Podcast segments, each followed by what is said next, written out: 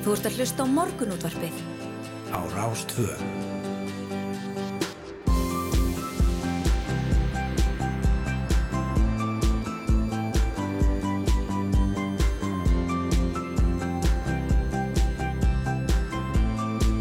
Morgunútvarpið Á Rástvö. Morgun útvarpið býður, góðan dag, 5. daginn, 8. september, það er Ingvar Þór Björnsson eh, sem hilsar og eh, morgun útvarpið kemur víða við að þessum fallega og milda haustegi. Áslögarna Svibjörnsdóttir Háskóla innar og nýsköpunar á þeirra tók í gæra móti Politician of the Year 2022 verðlununum á Young, One Young World ráðstefnunni sem er fram í Manchester á Englandi þessa dagana er ráðstefnan leiðir saman yfir 2000 manns viðsvegar að úr heiminum sem öll eiga það samveilegt að vera leiðtúar á sínu sviði og áslegarna ætlar að vera á línu hérna hjá okkur í upphafi þáttarum það byrj kortir yfir sjö og ræða ungt fólk í stjórnmálum og eh, já, þingvetturinn framundan. En eh, borgarfulltrúin Hildur Björnsdóttir létt hafa það eftir sér á dögunum að innviðir Reykjavíkur borgar væri að springa og eh, skemmast þegar kaldavarslögn í kvasaleiti fór í sundur á samskjötunum svo gríðalur vass elgur varð á svæðinu. Í gerð var svo heitavarslust í Vesturbæ, miðbæ og hlýðum en miklar framkvæmdur hjá veitum hafa enkjent svæðið undanfarna daga. Og við fáum til okkar Solrúnu Kristjánsdóttur framkvæmdastjóra veitna til að svara því hvort þetta sé rétt. Það er að innviðir borgarina sé að springa og þessu er hvað þá hægt að gera í því. Og það stendur til að 30 ukrænskir flótamenn fái inni á eigðum gamla kjarnanum í kringum skólabyggingunum 20 að 10 km frá eilstöðum en vonar á fólkinu á næstu dögum og við ætlum að heyri Byrni Ingimarsinni sveitastjóra Múlaþings sem stendur að komu flóttafólksins og spyrju meðal annars um innviði á eigðum og framtíjar horfur fólksins á svæðinu. Nú hafa jafnbæði sveitastjórnir uh, hafnafjörðar og Reykjanesbæjar tala um það að innviðinni séu komin að þólmörgum hvað var það að taka móti flóttafólki og þá spurning hvernig staðan sé á eigðum. Nú um, en talandum sveitafjörðin þá hafa sveitafjörðin ringin í kringum landið þurft að undirbúa sig undir lofstafsbreytingar og þurfa að gera það en það má búast við því að hlínunjarðar geti haft afar ólík en hamfarkend áhrif vítt og breytt um landið. Allt frá auðskriðum til flóða og svo framvegs. Anna Hulda Ólastóttir, yfirmaður skrifstofur Lostlags þjónustu og aðlugunar á viðstofu Íslands. Hún ætlar að koma til okkar klukkan átta og segja frá þessum ólíku sviðsmyndum sem sveitarfjölunum þurfa að stilla til að vera undir hlínun jarðar búin. Og síðan er að hlutabriðamarkaðurinn það verið nokkuð líflegt í kaupöllinni síðustu daga en í gær hækkaði úrvalsvísitalanum meirinn 1% annan dænir höfð og við ætlum að ræða Snorra Jakobsson, hagfræðingi á Jakobsson Capital um horfur á mörgum hér heima og erlendis og einn um þáttöku almennings það kemur að fjárfæstingum sem jógst verulega það spartnaður heimilana varð meiri í faraldrinum og var spurningin hvort að ja, svo þróun haldi áfram inn í haustið. En í gær var sumleiðis greint frá því að borgari völdi í Harlem í Hollandi hafi ákveðið að banna kjötauðlýsingar á auðlýsingaskiltum í eigu borgarinnar og frá með árunni 2024 má ekki auðlýsa kjöt á strætis vögnum, byðskilum eða upplýsingaskjám sem borgin heldur úti. Nú banniði sett af umhverfis ástæðum en græningjar er í meiri hluta í borgarstjórn Harlem. Og talsmaðarflokksins segir ekki forsvaralegt að nýta borgar í milla auðlýsa vöru sem hefur neikvæð umhverfisáhrif. Og við ætlum að ræða banni við valgerði Árnandóttur, formann samtaka grænkjera á Íslandi og spyrja hvort þau telja æskilegt að stjórnvöld hér að ráðist í sambarilegar aðgerðir. En það er líklega rétt að skoða blöðin hér. Uh, í morgunsárið eins og við gerum alltaf uh, fyrir sjöfréttir. Það uh, er til að mynda rættum það hér á, á fórsíðum morgunblasins að Já, ríflega átt af hverjum tíum erlendum ríkisborgurum sem flutt hafa til landsins frá áspyrjun 2010 og fram á mitt þetta ár eru undir færtu. Þetta kemur fram í tölum hagstofana sem býður nú upp á sundurliðun eftir aldri og kyni en meðar við að flutta umfram brottflutta en frá upphafi hagvasta skeiðsins sem hóst 2011 þá hafa fleiri flust til landsins en dæmuru um í nútímasögu landsins. Nú fluttningsjöfnöðurinn er hins vegar neikvæður hjá íslenskum ríkisborgurum en brottfluttnir eh, eru mun fleiri en aðfluttir og eru þar af um 8 af hverjum 10 yngri en 40 ára og þá vekur aðtikla að karlar eru um 6 af hverjum 10 aðflutum umfram brottflutta á tímabilinu. Ingólu Bender, aðalhagfræðingur samtaka innaðarinn segir þessar tölur í að vetna um að hingað flytjist fyrst og fremst fólk á vinnualdri sem komi hingað til að vinna og það sé um önnur aldustreifing meðal innflytjanda en í mörgum ríkjum Európu. Aflutningurinn hafi knúið haugvöxtinn undanfærin áratögu og hann segir Fjöldin undistrykjar hversu mikilvægur aðflutningurinn hefur verið fyrir haugvöxt. Það er fyrir aukna verðmætasköpun íslenska hagkerfisins. Vinnuafsþörf hagvastarins á þessum tíma hefur á stórum hluta verið mætt með erlendu vinnuafli. Og um, hér er líka rætt við Magnús Árnar Skúlason, framkvæmdastjóra Reykjavík Economics, sem segir í samtali við dagmál Morgunblassis í dag að röð íbúa fjölgun vegna aðflutnings erlendra ríkisborgara hafi sett mikinn þrýsting á fastegnamarkaðin. Ef við segjum sem svo að þetta séum 40.000 manns og tveir séum hverja íbúð, þá kalla það á 20.000 íbúðir. Ef það eru þrýr þá er það færri en svo er það önnur leitni. Það eru færri sem búa í hverri íbúð það þróin sem við hefum séð í nágrannaríkunum, segir Magnús Árni um fjölgun. Það hefur tölvöld rætt með þetta núna undarfarnan vikur og, og mánuði um þennan aðflutning eh, eh, vinnuaps og hvaða áhrif það hefur bæði á, á eh, hávöxtinn og, og, og vinnuapsþörfina en, en líka um álægið á, á innviðana og húsnæðismarkaðin. Nú, uh, það er uh, hér skemmtileg mynd á fórsíða morgunblassins af uh, já, til að mynda Sigur Inga Jóhansinni innviðar á þeirra síði Björk Guðjónsdóttur Lörglustjóra og Viljum Þór Þórsson helbriðs á þeirra þau eru hér að syngja höfuð herðar nýjótt tær með börnunum í melaskóla en Íþrótta og Olimpíusamband Íslands leifti á stokkunum átækinu göngum í skólan við sérstakri aðtöfn í melaskóla en þetta er í 16. sinn sem sambandi stendur fyrir átækinu en eh, að aðtöfni lokinu var brugðið á leik og, eh, og það má vel sjá það hér á, á fórsíðu morgunblæsis mikið leið og, og mikið gaman. En lítum aðeins á, á fórsíðu fréttablasins, hér kemur fram að eh, já, fjöldi Íslendinga fái höggum næstu áramót. Er ný lög frá alþengjum lífverðisjóði skerði greiðslur frá tryggingastofnun Hálf sjötur tæknifræðingur hjá almenna lífverðisjónum sem hefur greitt í sérignarsjóð frá nýjunda ártug síðustu aldar segir nýju lögjöfina munu skerða áalladar tekjur hans já um 15 til 20 miljónir á 15 árum. Frádráttur frá almenna eh, almannatryggingum getu upp lífveri sem já hann hefði ella fengið frá tryggingarstofnun og hann gaggrinni hver þessar skerðingar komið aftan á honum og já, kynningin hafa verið lítil. Eh, teknísjálfsvæðingurinn segist hafa hugleitt að segja upp starfi sínu vegna lagana og fara þegar á eftirlaun. Þetta er áhugavert og, og stræð eh, já, gott að ræða betur hér á eftir. En við ætlum að skipta yfir á fréttastofuna og fáum síðan veður og, og farð og, og förum vel og rækilega yfir það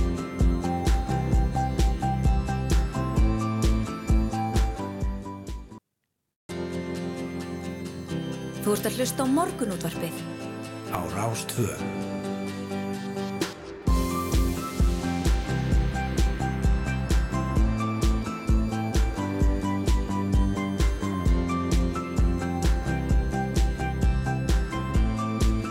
Morgunútvarpið á Rástfö. Jú, það er morgunúttarpið sem býður góðan dag, 50 daginn 8. september og það er Yngvar Þór Björnsson sem heilsar hér og við ætlum að koma víða við í, í þætti dagsins. Við ætlum að ræði áslögurnu Söpustóttur, háskóla innar og nýsköpunar ráð þeirra sem tók í gera móti Politician of the Year 2022 verðlaunum á Young World, One Young World ráðstefnunni sem fer fram í Manchester á Englandi. Við ætlum að ræða við hana um já, fólk í stjórnmálum og þingvetturinn framundan og ætlum sömulegis að fá til okkar Solrunu Kristjánsdóttur framkvæmdastjóra Veitna og ræða, já, hvort að uh, það sé er rétt að uh, innviðir Reykjavík og borgar sé að springa. Og þessar uh, miklu framkvæmdi sem hafa verið hjá Veitum undarfartna daga. Við ætlum að, ræði Björn Ingimarsson, sveitastjóra Múlaþings sem, já, Múlaþings stendur núna að komu flóttafús frá Úgrænu 30 úgrænski flóttamenn fá inni á Eyðum gamla kjartanum í kringum skólabyggingunum 10 km frá Eilstöðum það vona fólkinu á næstu dögum og við ætlum að spyrja hann um já bæði innviði á Eyðum og framtíðar horfur fólksins á svæðinu. Nú, sveitafjölun hringin í krigum landi þurfa að undirbúa sig undir lofslagsbreytingar en það má búast við því að hlínun jarðar geti haft afar ólík áhrif á landið og þau sveitafjölu sem hér eru allt frá örskröðum til flóða og svo framvegs Anna Hulda Ólastóttir yfirmaður skrifstofu lofslags þjónustu og aðlögunar á viðstofu Íslands kemur til okkar og segir okkur frá þessum ólíku sviðsmyndum sem sveitafélugin þurfa að stilla upp til að vera undir hlínun jarðar búin. Við ætlum sömulegis að ræða hér aðeins kaupullin á hlutabröðamarkaðin. Það verður nokkuð líflegt í kaupullinni síðustu daga en í gerð hækkaði úrvalsvísitalanum meira en 1% annan daginn í röð og það er Snorri Jakobsson, hagfræðingur hjá Jakobsson Capital sem ætlar að koma til okkar og ræða horfur á mörkuðum hér heima og erlendis og einnum þáttökum almenningstæð kemur að fjárfestingum sem jógst verulega þegar spartnaður heimilina varð meiri í faraldrinum.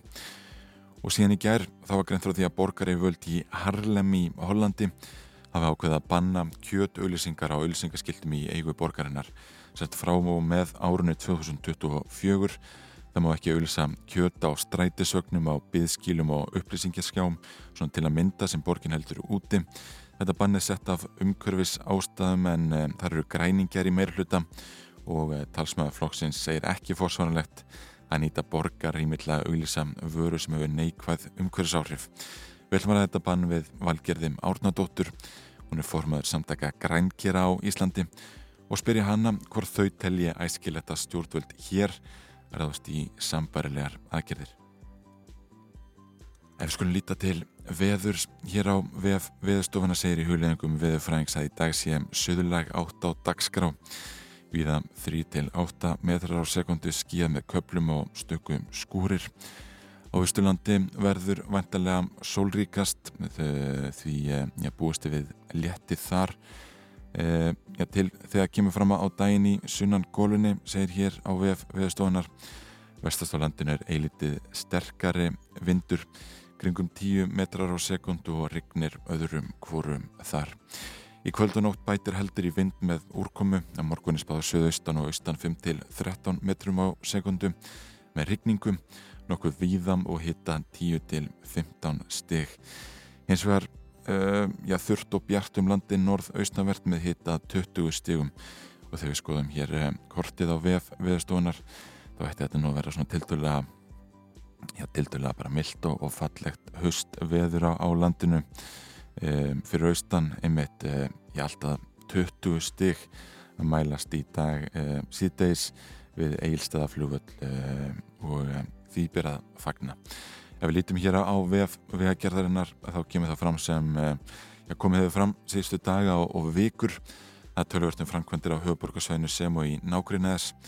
Vegfærandur eru bennur um að virða merkingar og hraða takmarkanir og sína aðgátt við vinnusvæðin. Það lítið er á Suðvestulandi segir að eh, það sé unnið við viðgerð á brú yfir Lagsá í Kjós og þar maður búist við umferðartöfum á milli klukkan halv átta já alveg til klukkan sjö að kvöldu til á morgun. Hraðið tekið niður og vegfærandur bennur um að aka varlega. Á uh, já, vestfjörunum þar er unniða lagfæring á slitlægi uh, á haldóni. Þrengingar á vegi og hraði tekin einhvað niður. Vegfærandur sömulegist þar bennur um að sína aðgátt. Á Suðurlandi þar eru þrengingar á gatnamótum Suðurlandsvegar og Biskupstungna bröytar þar sem verið er að tengja ringtorki við nýja veginn Hraðinni tekið niður og vegfærandur bennur um að sína tilitsemi og framkvæmdi munir standa yfir eitthvað fram í vikuna, segir hér á VF viðstofunar. Nú, það er kannski rétt að, að ræða aðeins þessa miklu jarðskjálta sem uh, ég voru við Grímsei í nótt. Það verið verulegi skjáltavirkni við Grímsei frá því já, um klukkan svona tvö. Það sögna náttúruvor sérfræðings á viðstofun er svo stæsti 4,9 aðstærð sem er reyð yfir laust eftir klukkan fjögur. Nú jörð hefur skólfið með nokkura mínútna fresti síðan í nótt en alls hafa sex skjáltar verið yfir þremur að stærð. Upptök þeirra allra er á svipum slóðum rúma 10 km norðaustur af Grímsei en stærstu skjáltarnir ja, þeir fundust aðna víða á norðanveru landinu meðal hans á Akureyrim, Ólasverðim, Húsavík og í Mjóasveit og Bjarki Kaldalús Frís náttúruvarsjárfræðingur hann segir hér í, í samtali við fréttastofi nótt að skjáltar verði á þessu svæði og engin merki um gós óróa.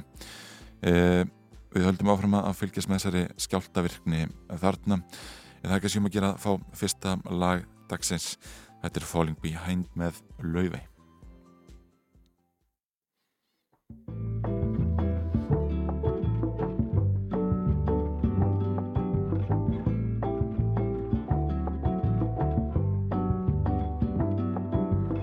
Moved out to a new city.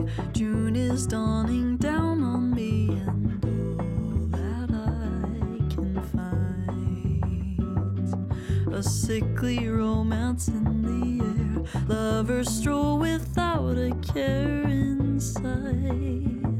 Ooh, this can't be right. Cause the sun's engaged to the sky, and my best friend's found a new guy. I'm only getting older.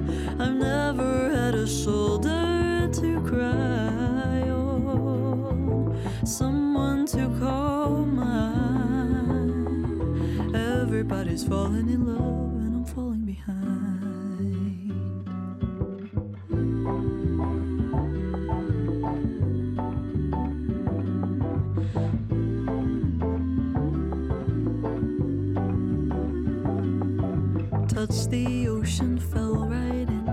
Stepped outside and burned my skin. My life won't go my way. Bossa Nova in my room. Hope that I'll find someone to to love. Because the sun's engaged to the sky. My best friend's found a new guy. I'm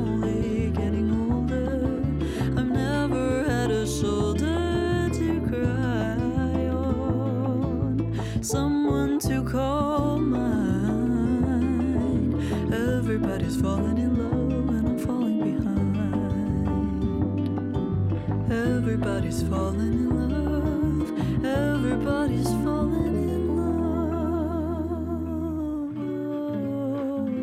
love. Everybody's falling in love but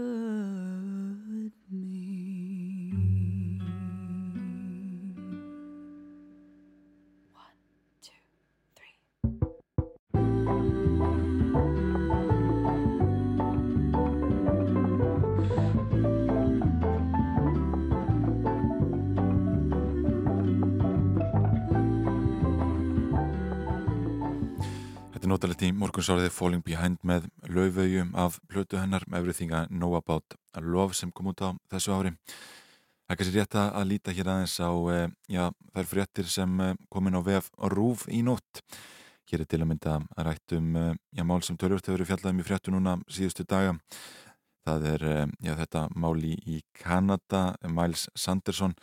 Hann er látin eftir handtökum lauruglu en hann var ásamt Damien bróðu sínum grunar um að hafa orðið tíu að bana í nýfstungum árásum í Kanada. Eh, lík Damiens fannst á mánudagskvöld í James Smith Cree samfélaginu þar sem voðaverkin voru framin á sunnundag og bróður hans var grunar um að hafa valdið dauða hans en auglusir áverkar voru á líkinu en rannsókn á andlátum beggja er þegar hafin.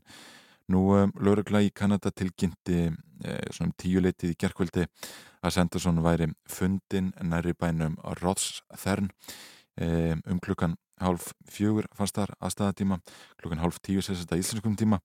En eh, fjöldi fjölmjöla í Kanada greindur frá því að Miles Sanderson væri allur og vittnuð í ónafngreinda heimildarmenn innan lauruglu og eftir að tilkynning barst um að Sanderson væri fundin saði laurugla alla og gagvart almennum borgurum að baki. Eh, það kom fram að ja, klukkustund áður en Sanderson var handekinn þá gaf laurugla út tilkynningu þess efnis að vopnaður maður hefði stólið hvítum Chevrolet pallbíl og þegar var álitið að þar var Sanderson á ferð.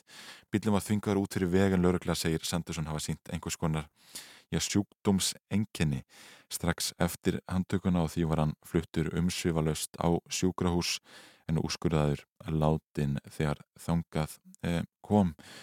Nú eh, það er ekki enn vita hver var kveikjan að þessum óðaverkum segir hér í, í frétt sem kom inn á VF Rúf en eh, já, Miles Sanderson er þættu fyrir að beita ofsafengnu ofbeldi sem hefur leitt á sér já, 59 sagfellingar eh, Við ætlum að fá annað lag. Þetta er eh, Jesse Ware og Free Yourself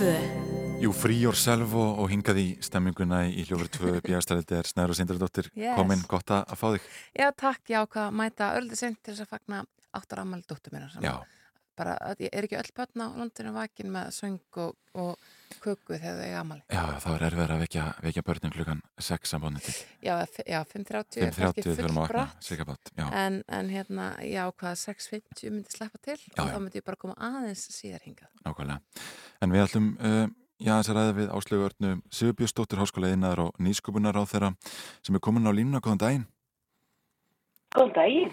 Þú tókst í gera móti Politician of the Year 2022 verðlunum á, á Young, uh, One Young World ráðstöfninni sem fer núna fram í, í Manchester á Englandi ég ætla að hafa mikið með það takk fyrir. Eh, Sko, segðu okkur aðeins frá, frá þessari rástöðnu sem, sem ásist að þarna núna. Já, hér er ráðstöfna alla vikuna sem er uh, gerð til þess að hvetja út fólk áfram í einum ymsu störfum og það eru veitt trendskona velur fyrir uh, annars vegar fyrir bladamennsku, uh, frumkvela og síðan uh, stjórnmálamenn. Og hér eru yfir 2000 manns frá öllum heimsálfum, uh, ungt fólk sem er að uh, gera eitthvað í sínum samfélögum og að ræða saman hvernig uh, ungt fólk hefur áhrif á samfélagið sitt Já, uh, víðar, víða í heiminum. Einmitt. Og þú ert velunnið á þessari ráðstefnu sem pólitíkus ársins. Hvernig kom það til? Ég- það er bara haft samband við mig og sagt ég sé í hópi uh, þeirra sem verið er að horfa til og, og spurði ákveðna spurninga og beðin að senda uh, svona nánari lýsingar á einhverjum uh, gögnum og, og öðru sem þau voru forvitunum og síðan fæ ég svo sem þessa tilkynningu bara og, og hérna ég er sem sagt velunnið á samt fjórum öðrum sem eru frá sikkólum heimsálfunum og, uh, skemmtileg viðkenning en ekki þetta bara fyrir mér persónlega heldur bara fyrir Ísland sem treystir almennt ungu fólki meira en við annar staðar í, um, í ábyrða hlutverk. Er, er það svo? Er það, er, alveg, er það mælanlegur hérna, árangur Íslands að treysta ungu fólki betur heldur en önnu lönd? Það er allavega þannig að, hlutfall ungra þingmanna er mjög lágt í heiminum. Það er aðeins undir uh, 2% þingmanna sem eru yngre en 30 ára í heiminum öllum og bara aðeins 14% sem eru undir uh, 40 og það er svona verið að reyna að íta undir það og það, þessi velunum því ráðstefna er ætlað að beina aðtikli að uh, ungu fólki. Um, og svona ræða það hvaða framfarir og áhrif þeir hafa í heimalindinu og hvernig þetta er að nýta það, uh, það til kvartningar fyrir uh, annað ungt fólk. Já, þetta er mynd áhugur tölfræðina á vefsviðinni 2% undir 30 ára og 14% undir 40 ára. Eh, sko, hvaða skrefir hægt að taka til að, breyta þess að fá fleira ungt fólki í pólitík og, og hvernig horfur þetta við þér sem, sem ungri konu í stjórnmálum? Eh, hafa hindrandnar verið miklu fleiri og þetta var alltaf verið, verið erfiðar að mörgu leiti en að vera hérna maður á miðum aldrei?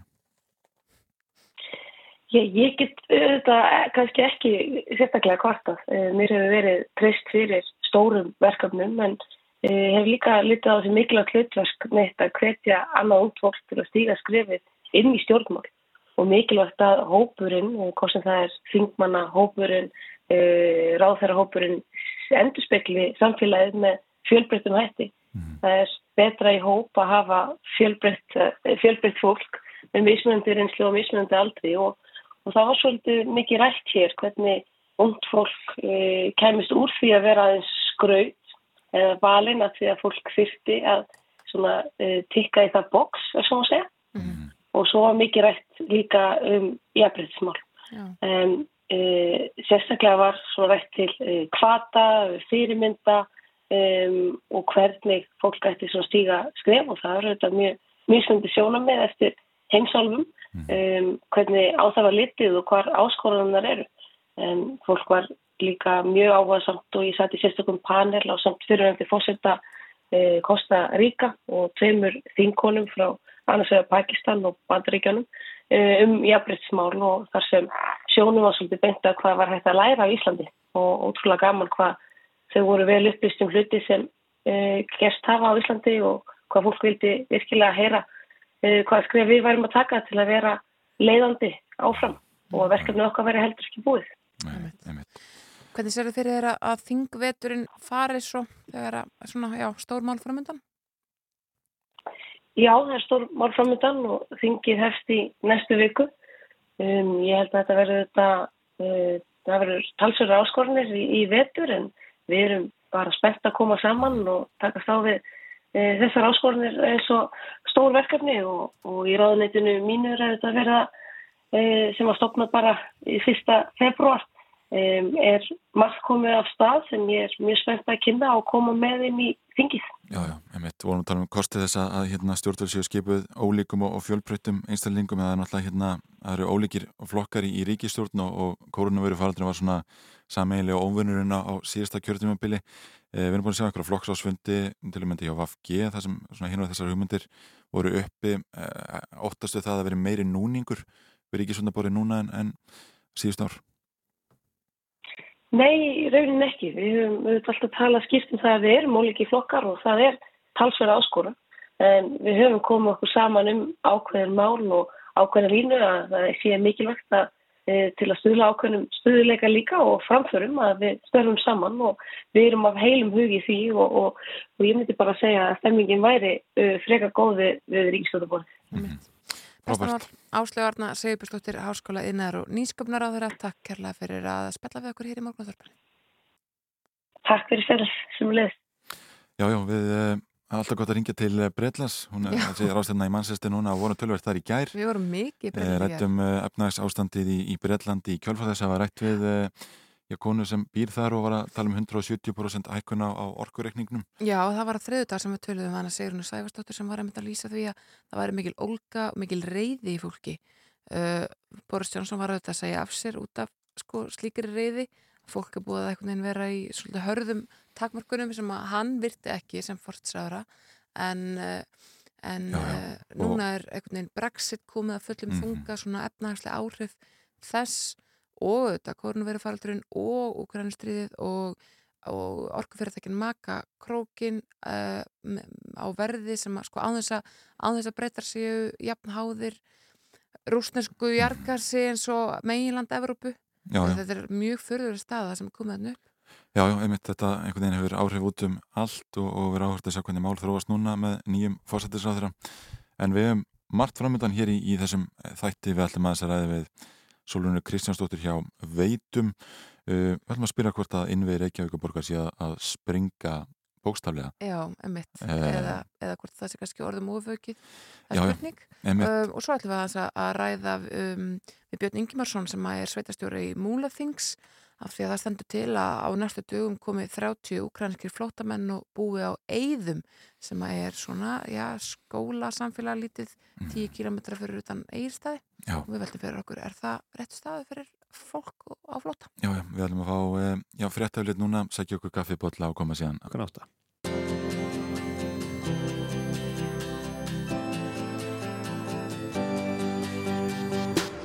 Þú ert að hlusta á morgunútvarpið á Rástvö. Jú, takk fyrir þetta Bjarni. Eh, Áframhaldum við hér í morgun útarpunu. Við kvenkum okkur svolítið yfir því gæra hafi ekki komast í en við mættum í vinnuna eins og stór hluti Reykjavíkur borgar, þar segja vestan kringlumirabröytar en eh, veitur þurftu að ráðast einhverjar viðgerða sem gerða verkum að það varð heitavastslust á stóru svæði yfir nóttina. Svo uh, fóru þetta í sundur kaldavatslögn kvassaleiti fyrir nokkur dögum síðan uh, sem var til þess að borgarfulltrún Hildur Björstóttir lit hafa eftir sér að innviðir Reykjavík og borgar væri að springa og skemmast og við veldum fyrir okkur hvort að það sé rétt. Hún er komin til okkar Solrún Kristjánsdóttir, framkvæmtastjóri veitna til þess að svara einmitt þessari spurningu. Verður velkomin. Takk fyrir. Eru innviðir borgarnar að springa og skemmast? Nei, það er nú langt frá því sko. Við erum náttúrulega hérna, með mjög viðfermt kerfi, veitur, við erum að rekka yfir 9000 km af strengjum og lögnum og við erum með næstu því 100% uppitíma á þessu kerfi sem er nú bara mjög, mjög gott. Mm -hmm. En í svona stóru kerfi og í síbreytilegu borgar umhverfi að þá eru við að sjálfsögðu víða að gera við eða breyta eða sem fylgir rask, það fylgir okkur rask ef við erum í rauninni að eiga við okkar lagnir sem liggja allar neðanjarðar mm. þannig að fólk finnur eðla fyrir því þegar það verður rask en nei, það er svo langt frá því að við séum Er lagnakjör að vera einhver liti gamalt, eða ekki? Mm, já, sko, 70% af, af lögnunum okkar eru nú ekki eldri en uh, frá 1980, sko, sem er ekki gamalt lagnakerfi almennt ef að allt í kringum lagnirnar er gott og ef það er ekki gall í efnum eða ef að það hérna, eh, er lagt rétt að þá hefur það mjög langan líftíma, mm. lagnakerfi. Þannig 40 ára eða 50 ára eða eitthvað, það er ekki langt. Það, nei, sko, við tölum stundum um að, þú veist, lagning getur orðið yfir 100 ára, sko, mm. en, en hérna, en já, við erum náttúrulega sjálfsög með misjamt efni en já, lagna, lagna efni almennt hefur mjög góðan endingatíma. Mm -hmm. Einmitt. Sko, en, en hvað með einhvern veginn þessa kvaldavaströld sem fór þá í sundur í kvassaleiti, var það bara eitthvað galli í efninu eða hvað gerðist þar? Sko við vitum ekki alveg ennþá hvað gerðist en við erum samt búin að grafa niður og sjá svona fyrstu ummerki og það lítur út fyrir að hún hafi farið á svona samsetningum sem er nú algengasta orsök bílana hjá okkur, það er að það fari á samsetningum og, og í þessu tilfell þá lítur lögnin virðist hún líta vel út, lögnin og það er ekki langt síðan að við fórum niður nálægt þessum stað og sáum bara lögnin þarna leit vel út og engin ástæð til þess að ætla hana en hún var í fínulagi en svona samsetninga geta gefið sig og við vitum í raunin ekki, það er svo margt sem getur komið til e, það hef, hafa náttúrulega verið tölvera breytingar þarna í kringum akkurat þarna, mm. þetta er hann að við kringlureitin, það hafa verið mikla breytingar undanfarið eða síðan þessi lög var lögð fyrir 60 árum mm. og hérna Uh, hvort að það hafi haft ykkur áhrif hvort að jarðræðringar hafi haft ykkur áhrif við mm. vitum það bara ekki Nei. og kannski munum við aldrei vita Nei, en, en hérna almennt sé þá bara verður þarna ófyrir sér atvik sem því miður gerist og veldur tjóni mm -hmm. Alltaf mikill ekki þarna og semulegis og náttúrulega rættum um vastjóni sem var í Háskóla Íslands mm -hmm. er þið búin að kortleggja eitthvað eitthva lagnakjöru þannig að þið vitið að meiri hætta á skemmtum hér en þar Já, sko bara svo ég takja fram, þá er allt önnur orsök í, í hérna, háskóla tjóninu. Þar eru mannlega mistök sem verða, mm. þannig að hérna, það er rauninni ekki hægt að segja lagnakerfi þar hafi gefið sér, það, verður, það verða mistök við framkvæmdir þar. Mm -hmm. Í kvassaleti eru ynga framkvæmdir og þar verður eitthvað bílun. Uh, já, við erum að fylgjast með kerfinu mjög vel í rauninni en kerfi liggur neðanjarðar, þannig við sjáum það ekki. Nei en við erum að kortleggja, við fylgjum með þrýstingjakerfinu, við fylgjum með bilanatíðni, við erum á síðustu árum hefur við lagt mjög mikið í til dæmis líka tæknibúna sem að í raunin er komin nýr inn kannski, þar sem við getum til dæmis fara niður með myndavilar og skoða kerfið. Við erum búin að vera búið til hermilíkun líka undarfæra nár þar sem við erum að reyna að reikna út líkur á því, mm. hvað gæti komið bilum bara út frá svona, þú veist, ímsum aðstæðum í kerfinu. Mm -hmm. Þannig að já, við erum að fylgjast mjög vel með kerfinu og reyna að koma í veg fyrir bílanir en lang flesta bílanir verða hjá okkur í kringum rask, einhvers konar rask í kringum okkar lagnir eða, eða einhvers konar galli eða einhverja breytingar í kerfinu sem verða til þess að, að það leiði til bílanu. Það er, það er sjálfnast að það er vegna aldur lagna beint sem að, hérna, við erum að landa í stórum bílum. Mm -hmm. Þannig að byggingaframkantir vegna sko á svona í rótgrónum hverfum, þetting byggðar það eigur líkunar á því að það fara eitthvað úrskis. Já, og svo líka sem ég held að kannski fólk átti sig ekki alveg á að við þurfum mjög mikið þegar það er að breyta byggð eins og þetta byggð og svona að þá notum við náttúrulega alltaf tækifært endun í að þar sem við getum. Við förum alltaf fram þegar einhver er að vegagerðin eða borgin og reynum að endunni að nota tækifæri svo þurfi ekki að raska mm -hmm. oft. Við viljum ekki koma fimm árum setna og raska sömu götu ef við komumst hjá því mm. en það er líka fylgir því að, að þetta byggð að við þurfum að breyta lögnunum okkar, við þurfum að færa lagninnar og þetta eru engin smásmiði sko, að færa eina fráveitulög til dæmis, Já. það er bara rosalegt umstang, rosalega stóri skurðir uh, og mikil tími sem fer í þetta Þannig að oft er þetta ekki eins og bílanir, fólk heldur jáfnvel að sé bílanir en það eru við að í rauninni færa lagninu okkar til þannig að komist mhm. fyrir ný hús, það verður að breyta mm. lóðum og við þurfum að færa lagninar okkar. Þannig að þetta er ekki allt bílanir þegar veitur er á stanu. Nei, en ef við ræðum aðeins eh, styrtuleysið hann að ekki er þá hérna var hitt áherslust e, í alveg talsunum hlutar Reykjavíkaborgar alveg til half nýju í, í gerðmorgun e, það bar eitthvað á því samar á samfélagsmiðlum að íbúar, sko bæði eigundur einhverju húsa og náttúrulega leyendur líka hafi bara ekki vitað af þessu og ekki fengið SMS eða post eða eitthvað svona. E, voru einhver mistu gerð þegar sendt voru tilkynning? Sko það, þetta er bara mjög gott að að minnast á þetta. Við sendum út tilkynningar á alla þá sem við erum með tengilega upplýsingar hjá. Þannig að hérna, mér langar bara að hvetja fólk til þess að fara inn á veitur.is og inn á mínar síður og skrá tengilega upplýsingar. En við getum sendt ykkur SMS skráið e-mailin okkar ykkar, mm. skráið hérna, símanúmerin ykkar, en við getum sendt ykkur SMS, við erum því miður ekki með tengilega upplýsingar hjá öllum þannig við náum ekki að senda, en við sendum á mjög stóran hluta uh, og þarna í þessu tilfelli er þetta skipulögð skipulögð aðgerð. Við þyrftum að fara í dælustöð og endunni á búnað til þess innmitt að lenda ekki bílunum, ófyrirsjöfum bílunum þá þurfum við að hafa viðhald í, í stöðanum okkar og, og, hérna, og þá þurfum við stundum að loka og það tekur langan tíma að gera svona viðgerð og við reynum þá að gera það með minnstur raski eins og næturnar og annað Mm -hmm.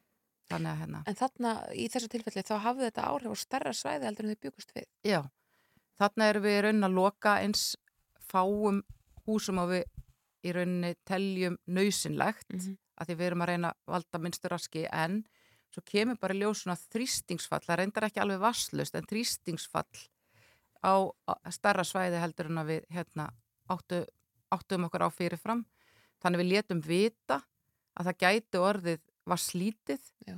hjá fleirum heldur en að við höfum loka hjá Já, einmitt. En er vonað einhverju svona frangöndum á næstu dögum? Sko, ég, ég verða viðkynna, ég veit það ekki alveg því að við erum stanslust í skipulögðu viðhaldi og við þurfum að loka fyrir þegar að við erum í skipulögðu viðhaldi þá þurfum við, við getum ekki haft heita vatni rennandi eða, eða hérna kalda vatni rennandi þegar við erum að skiptum búnað og annað en fólk getur nálgast allar upplýsingar um okkar skipulega viðhald inn á veitur.is bara efst þar þá sjáu þið hvað er skipulagt fram í tíman Kanski rétt í lokin svona, hvað kostar þetta allt? Hvað kostar einn svona viðgerð? Hún kostar mjög mikið uh, ég hef ekki alveg tölunar en þetta getur hlaupið á hundruðu miljóna Ein viðgerð? uh, þegar við erum að skipta til dæmis um stopplagnir og annað, já, Mm Vá. það er mjög dýrt Solrún Kristjánsdóttir, frangatistjóri Veitna, takk kærlega fyrir komuna í morgunþorfið. Takk fyrir mig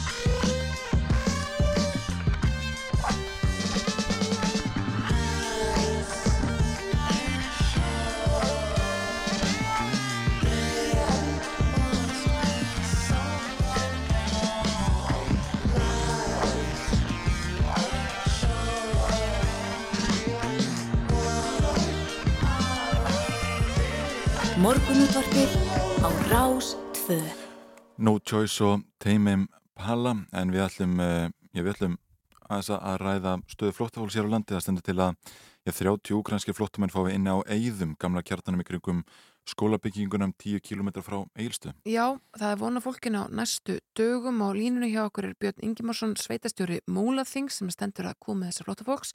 Góðan daginn Björn. Já, góðan dag. Sko, uh, Eyðar eru svona, já, lí, mjög lítið þjættbilskerni 10 km frá Eilstöðum. Þarna eiga 30 uh, ukrænski flóttamenn að koma og sumi bara jafnvel á næstu dögum. Er þetta eftir staður fyrir fólk á flótta? Er þetta ekki pínlítið einangrað? Sko það er náttúrulega eitt af verkefnunum er að, að sjá til að svo verði ekki og, og þar með erum við að horfa til að, að, að tryggja þetta með reglubundum almenningssamgöngum. En ég lít nú ekki og upplifir ekki þannig að þarna verði fólk í einangrun því að þarna verður fólk í, í rauninni alveg í frábæru umhverfi og, og og það er lögð áherslu á það að, að starfsfylgi sveitafélagsins að, að við náum að koma á bara góðum samskiptum. Já, einmitt, þetta er náttúrulega fallit svæði en, en hvað er mikið af fólki sem býr þarna svona almennt? Það er búið þarna, uh, sko, það eru, það eru, er, ég er nokkið með nákvæma tölur, sko, en, en, en það er tölurverða fólki sem, sem býr þarna á eða svæðinu, sko. Já, já. Þannig að ég, sko ég óttast þetta ekki þar að segja að, að fólk muni upplifa sig einhverjað. Ég, ég hef frekka trú á því að, að fólk muni upplifa, eða bara muni njóta þess að verða það. Mm. Já, emitt. Það er auðvitað reynsla komin á þann hóp sem að fór uh, á bifuröst og þessi gaggrinni kom svo sem upp þá að þarna væri verið að koma fólki einhvern veginn bara fjarrri þjónustu, fjarrri íslensku menningarlífi og svo framvegis er, er eitthvað sko er þau yfirveld sem standa fyrir þessu reynslunni ríkari af þeirri uh, tilraun? Veit þetta gengur upp? Já sko já já, auðvitað hefur verið hort til þess en, en sko það sem er náttúrulega verið að gera þarna er við erum ekki að horfa á varanlega löst uh, við erum að horfa til þess að, að sko þetta er í rauninni fyrsta skrefið. E, síðan erum við náttúrulega að gera okkur vonur um það að þetta fólk e, komist bæði sko út í atvinnulífið og, og e, sem sagt fái þá, það er náttúrulega líka að skinja það hvort það vil í rauninni sko vera hér á þessu svæði. Mm -hmm. og en þá er það að, að við erum að horfa til þess að, að þetta, er, þetta er fyrsta skrefið. Fólk fer sem ég, ég á frekka vona á því að þetta fólk fari bara fljótt í vinnu. Og þá kann alveg og er bara mjög líklegt að það komir svo staða að viðkomandi kjósi að fara í eigið leiguhúsnaði ja. eða leiguhúsnaði annars það eða kaupa sér leiguhúsnaði Við séum að bæði sveitasjórnar í Reykjanesbæ og í Hafnarfyrði senda frá sér tilkynningar þar sem þau tala um það að svona innviðni séu komin á þólmörkum hvað varðar móttöku flótafólks hvernig eru innviðið þarna fyrir, fyrir austan fyrir þessa móttöku? Ég óttast það ekki. Við erum náttúrulega ekki að tala um mikinn fjölda og, og það sem kannski hefur háð því að við höfum ekki verið að stíga fram og, og bjóða uh, bjóða það áður að við tökum þátt í svona verkefnum hefur kannski verið já, engum og aðalega aðgengi að íbúrhúsnaði. Mm -hmm.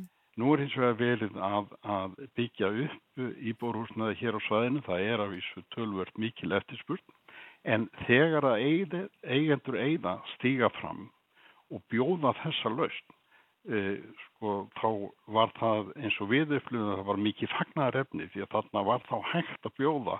Þá þó að þetta sé ekki fleiri en 30 manns, þetta getur verið bílinn 30-40 mm -hmm. En þá er allavega hægt að, að koma að verkefninu og, mm. og það er eitthvað sem að, að ég fagna að við náum að gera. Mm. Og þetta fólk það kemur á næstu dögum að mista kosti svona fyrsta hol, er þá bara allt á fullu að, að retta rúmum og, og sengafötum og öllu því sem þarf til að taka vel á móti góðum uppi fólks? Þetta er allt tilbúið. Já. Allt tilbúið? Já, Já, já, einmitt, einmitt. Það er ágætt. Það er kannski máli spyrja hérna rétt í lokin og þegar fórum við veðrið aðan þá nefndu við það að það verið 20 stig fyrir austan í dag. Eh, Hvernig ætlar að nýta veðrið? Já, ég, ég ætla mér nú að fara hér á hausting SSA sem er einmitt. vík, þannig að, ég reikna ekki með að ég verði mikið úti við í dag. Nei, er ekki hægt að færa fundaröld út? Nákvæmlega. en það er alltaf gott viður hérna, þannig að ég hef engar áhugjur. Nei, að þið fáðu ekki, svo, ekki svona sólviskubit eins og við hinn sem búum ekki af góða verið. Já, já, takk kærlega fyrir að vera á línunni okkur Björn Ingimarsson. Já, bara takk fyrir mig. Það væri mjög forðanlegt yngvar að heyra betur kannski hérna hver þessi reynsla hefur verið þetta var að bifröst. Já. Þessi gaggrinni komað upp þegar að uh, lág fyrir ljósta við varum að fara að taka mátu miklum fjölda flóta fólks frá Ukrænu. Mhm. Svo heyrði eitthvað ótrúlega tölur um daginn að, uh, sko, það, það var bara brjálega hátt hlut þeirra sem voru komin til, komin til vinnu. Já, einmitt, einmitt. Öll þeir sem að vildu held ég að hafa verið. Þannig Og það er augljóst að, að svettstjórun í Múlaþingi hann sér fyrir sér að, að þannig verða líka fyrir austan. Já, já, einmitt. Ég fór þarna á, á byrjust fyrir einhverju mánuðu síðan Mm. og þá einmitt fór, virtist fara mjög vel um, um flótafólki þar, bæði Mm. hvað varar bara mat og, og, og gistingu og, og það samfélag sem þar var komið. Já, það verður þetta breyst mikið háskólinn sko, hann er orðin held ég alfarið fjár, Já, þar segja háskólinn á Bifurust, þannig að það losnaði um tölvört húsnaði þarna sem að er í leigu ymist til flottafólks en líka bara til. Íslendinga sem Já, að búa þarna sko. Nákvæmlega. Já, bara líflegt samfélagi borgarferinu. Já, já, einmitt, við ætlum að, að hérna, við hefum nóg eftir hér í, í morgun útvarpinu, uh, fáum áttafrétti núna eftir um það byrj tíu mínútur, þessi ég ætla að ræða eitt og annað og til að mynda það að, að um, það var greint frá því ekki að það borgaröföldi í Harlem í Hollandi hafa ákveða að banna kjöt auglýsingar og auglýsingaskiltum í eigu borgarinnar, uh, græningar eru meiruluta þarna og þau segja reynilega að það sé ekki forsvanlegt að nýta borgarrými til að auglýsa vöru sem hefur neikvað umhverfis áhrif Nei. Og við ætlum að fá til okkar formann já, samtaka grænkir á Íslandi Mm og ræði það hvort að, eh, ég ræði þetta bann og hvort það sé æskilegt að, að þeirra mati að stjórnvöld hér ráðast í sambarilegar aðgerðir eh, gegn kjöt auglýsingum. Já, sko við e- erum auðvitað með fordæmi fyrir því í hérna íslenskri löggjöf að banna auðlýsingar á vissum tegundum já. uh, en ég er ekki alveg vissum að það sé að auðlýsa uh, léttkjöt eins og auðlýstir léttöl Nei, nei, mitt og sem að spyrja sig hvort það sé endilega æskilegt að, að, hérna, að stjórnvöld hlutist til um það hvort að að hvað og, og hvað má ekki auglýsa og með einhvern veginn hilsufarsleg og umhverfisleg áhrif að því. Maður veit það ekki, Maður það hefur alltaf áhört að velta þessum spurningum upp Já, hér í lókþáttar. Algjörlega, já. En við ætlum líka að ræða hlutabriðamarkaðin hér í upphaf árs, þá voru einhvern veginn allir að fjárfesta og svo hafa bara verið rauða tölur í öllum kaupallum síðan og maður velti fyrir sér hvort að eh, almenningur sé hættur að að óta peningunum sínum í þess átt. Já, já, og síðan eru loftlagsbreytingar hér eftir áttarhættir. Yes.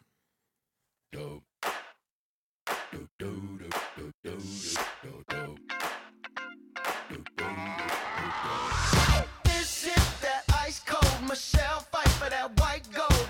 This one for them hood girls, them good girls, straight masterpieces. Stylin', wildin', living it up in the city. Got Chuck's on with Saint Laurent. Gotta kiss myself, I'm so pretty. I'm too hot. hot Call the police and the fireman. I'm too hot. hot Make a dragon wanna retire, man. I'm too hot. hot Say my name, you know who I am. I'm too hot. And my band bought that money. Break it down. Girls hit you, hallelujah. Girls hit you, hallelujah. Girls hit you, hallelujah. Cause Uptown Funk don't give it to you. Cause Uptown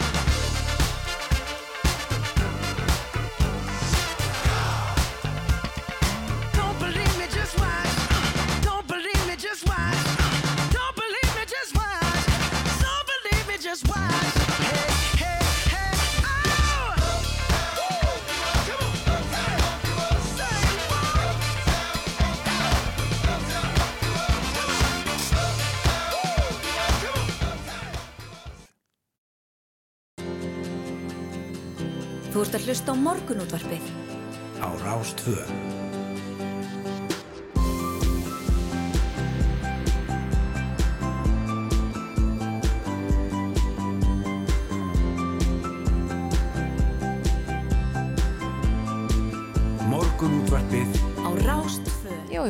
Höldum hér áfram í morgunúttarpinu setni hálfleikur hafin og það eru Snæra og Sindardóttir og Yngvar Þór Björnsson sem sitja með ykkur til klukkan nýju eins og alla virka dag. Já, já, margt framöndunum við ætlum að ræða um auðlýsingar og um, já, kjötauðlýsingar á auðlýsingarskildum. Já. Við ætlum að ræða kauphöllina og hlutabriðamarkaði. Við um, ætlum að ræða hér um, eftir um það beil um, svona 12 mínútur við Höllu Ingólfsdóttur, reytara hverjustáðs Grímseyjar um jarðskjaldana. Já, en fyrst þá ætlum við að ræða loftslagsbreytingar. Sveitafjölun ringin í kringum landið þurfa nefnilega undirbúa sig undir þær. Það má búast við því að hlínun jarðar geti haft afar ólík áhrif en þó jafnvel hamfara kent vítt og breytt um landið allt frá örskrið, örskriðum til flóða og svo framvegis.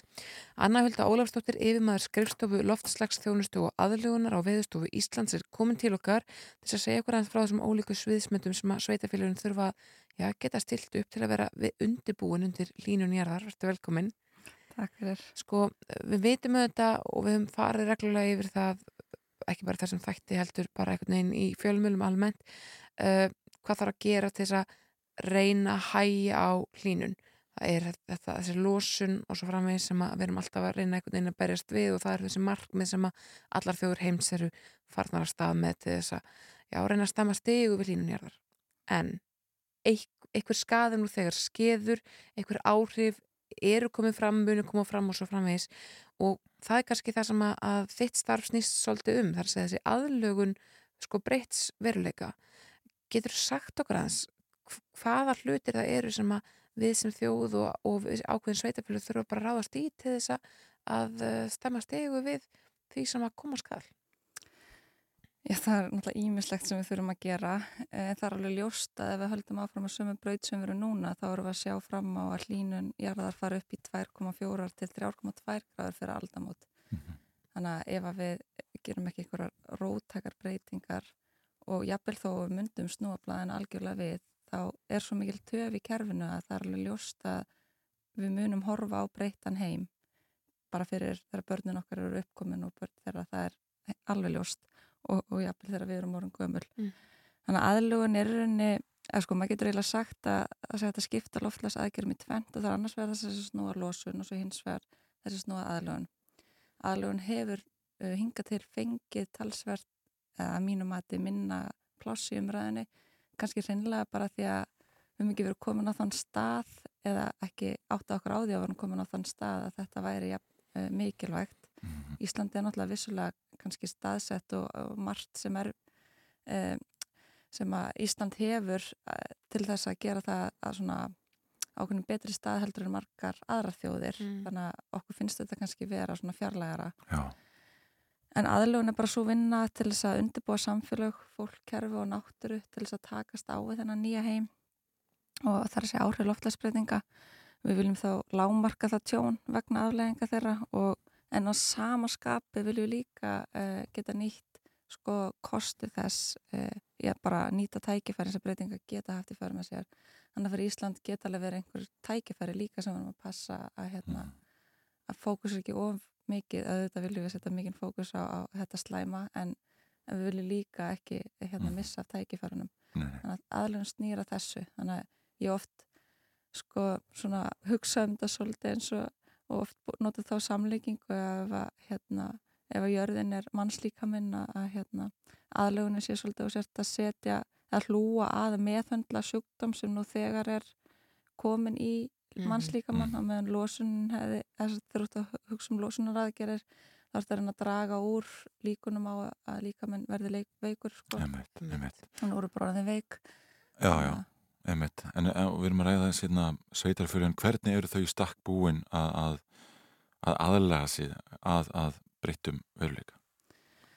Sko ég held að sveitafjölinn, það sé mikil svona, hvað sem að vakning núna uh, að þau sjórum tölvöld meðvitaðri um það að hérna, þau þurfa að fara að gera eitthvað og, og ég finn það bara frá því að, að ég byrjaði á viðstofunni að, hérna, samtalið er orðið miklu, miklu meira og þau átt að segja á því að bara allt skipulag þar er að lúta því að það þarf að taka tillit til þessara aðlöna þátt að um, en það er náttúrulega ótrúlega margt sem þarf í rauninni uh, að vera til þess að þau svona að auðvelda um þess að vinna að vita hvað það er sem þau að gera. Á endanum er aðgerðunar alltaf á herðum sveitafélagina Mhm. uh, þannig að það eru þau sem þurfa að, stýra því hvernig það ætla að gera þetta. Veist, við á viðstofun erum í rauninni svona farvegur fyrir viðkenda sviðsmyndir.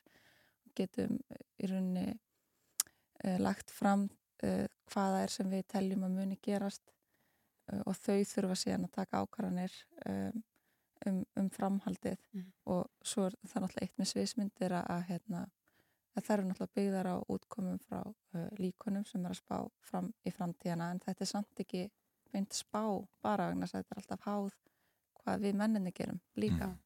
Sko, við höfum þetta hér í áratugi á Íslandi uh, byggt ofanflóðavarnir vegna snjóflóða. Við Mhm. þekkjum þá vá sem að snjóflóð hérna eru og svo framvegis. En uh, má ekki segja að það hafi kannski verið sko, já, svona mikil vakning þessar Mhm. gríðarlegu örskriður á seðisfyrði sem að, þar urðu. Þannig að það hafi svona, já, bæjarfélög í svipum aðstæðum átt að segja á því að, að uh, það er ekki bara snjóflóð sem þarf að hafa ágjur af. Mm Alveg ekki spurning sko og við erum með gott svona, hva, hvað getur maður sagt góðan svona ramma í kringum ofaflóðvarnar Mhm. og það er í rauninni e, sko, hvernig við hérna vinnum það er í rauninni eitthvað sem þyrfti að heimfara að mínu mati yfir á aðra náttúruvá. Loftasbreytingar eru náttúruvá og við þurfum í rauninni sko viðbröð við þessari vá þarf að skipulegja bara líkt og áhættustýringu við annari náttúruvá. Mm, þannig að það er bara líkil atrið að hérna, við höldum utanum alla náttúruvá sem e, tengist loftasbreytingum og náttúruvá í Íslandi Já, með svona góðum hætti já, já, við erum að ræða hérna örskriður og, og, og snjóflóð og, og önnur flóð og annað slíkt. Um, á sama tíma við einhvern veginn í þeirri stöðu að þurfa að byggja sko sögulega mikið magna af, af húsnæði. mm -hmm. Hefur þið fundið fyrir því í, í samtali við sveitarstundar fólk að, að, að þessir hagsmunni sé að, að reykast á? Hvar hægt er að byggja og, og, hérna, ekki er æskilegt að, að hérna, ráðast í einhverja, einhverjum mannvirki að ykkar mati? Já, kannski svolítið svona orðar þetta svoleiðis að það eru náttúrulega hérna, svæði og þau eru mismunandi mikið eftir hérna, sveitafélögum sem eru á svo kvöldlega hætti svæði en ef sveitafélagið eh, sem sagt, ef það er mikill vilji til þess að byggja á svæðunum sem að þau eru kannski bara mjög svona ákjásuleg út frá öðrum sjónum um akkurat í dag en við sjáum fyrir okkur að eitthvað muni gerast eftir einhvern x Mhm. tíma og við vitum kannski ekki hversu langt er þangað til að eitthvað gerist. Og það er Mm. gott dæmi bara hérna í höfni Hortnafyrði sem að hérna hún Brynja tala nú um á þessum hérna degi sem við vorum með á Grand Hotel núna um daginn. Að hérna þar erum við að sjá fram á að það sé bara heil í fjalli að rinja Já, og hún mun rinja ofan í hérna lón sem mun þá valda vasttjóni sko. Mhm, þannig að það voru komið tvöfalda náttúru vá í raunni uh, og það er hérna þetta er mjög ákjösulegt samt landsvæði og þegar að í rauninni hlýðin er búin að rinja þá er þessi vá í rauninni farin þannig að það er hérna erfitt að að segja fólki sko að taka þessa ákvörðuna því í rauninni er þetta pólitísk ákvörðunum um sko um, sko hvort að megi eða ekki veist, við þurfum, það þarf að setja þessa línur sko Mhm. mhm. Einmitt. Eh, Þú, sko, þú ert að kortleggja þetta á skrifstofu loftslagsþjónustu og aðlugunar bara Mhm. alla daga og sveitafélagin geta haft samband og einhvern veginn reynda að skilja sitt svæði betur eða hvað? Eh, Þetta er kannski ekki alveg, alveg þar, uh, heldur er það, einu, er það þannig að við erum í rauninni að búa til þessar sviðismyndir Mhm. og sveit, það er svolítið upp á sveitafélagin líka að sko að kynna sér það sem að, að við erum með en að auðvita að hafa samband líka en svo er líka bara partur af starfinu þá að draga saman þessi hérna, hættumöld sem til eru og það er náttúrulega bara þetta, þetta er framhaldsvinna sem að hérna, mun taka langan tíma Já. og bara eins og hérna, ég nú minnst á að sko, hættumöld er eitthvað sem þarf að þú veist, það er ekki bara, þú gerir ekki eitt hættumöld og, og svo er það bara búið Nei. og það er hérna eitt hættumöld tekur samt langan tíma eða, Mhm. eða áhættumöld þegar þú tekur næsta skref hérna, lengra Mhm. þannig að þetta er eitthvað sem þarf að endurtaka og hérna og þarf í rauninni, já, hérna, mikla, mikla vinna baki, sko. Anna Hulda Ólafsdóttir yfirmaður skrifstofu loftslagsþjónustu og aðlugunar og veðustofu Íslands með lengsta starftíð til á Íslandi. Takk kærlega fyrir make ending. I guess I'd rather be alone than making do amending. I think maybe I've outgrown this old town. I see you almost every day. And every time I turn around, our love is stuck on replay.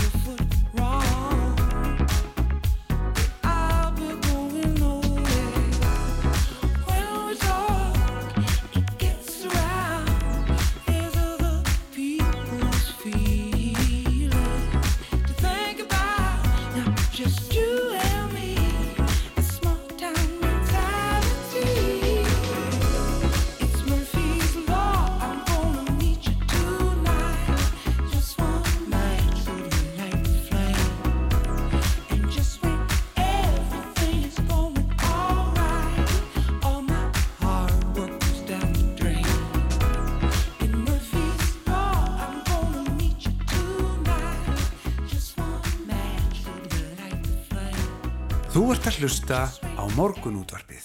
Jú, jú, eins og við heyrðum hér áðan í, í fréttum þá hefur verið veruleg skjáltavirkni við Grímsey frá því um klukkan 2 í nótt og að sögna náttúruvarsjárfrængs á veðustofunni er sá stærsti 4,9 að stærð sem reyði við löst eftir klukkan 4 í nótt.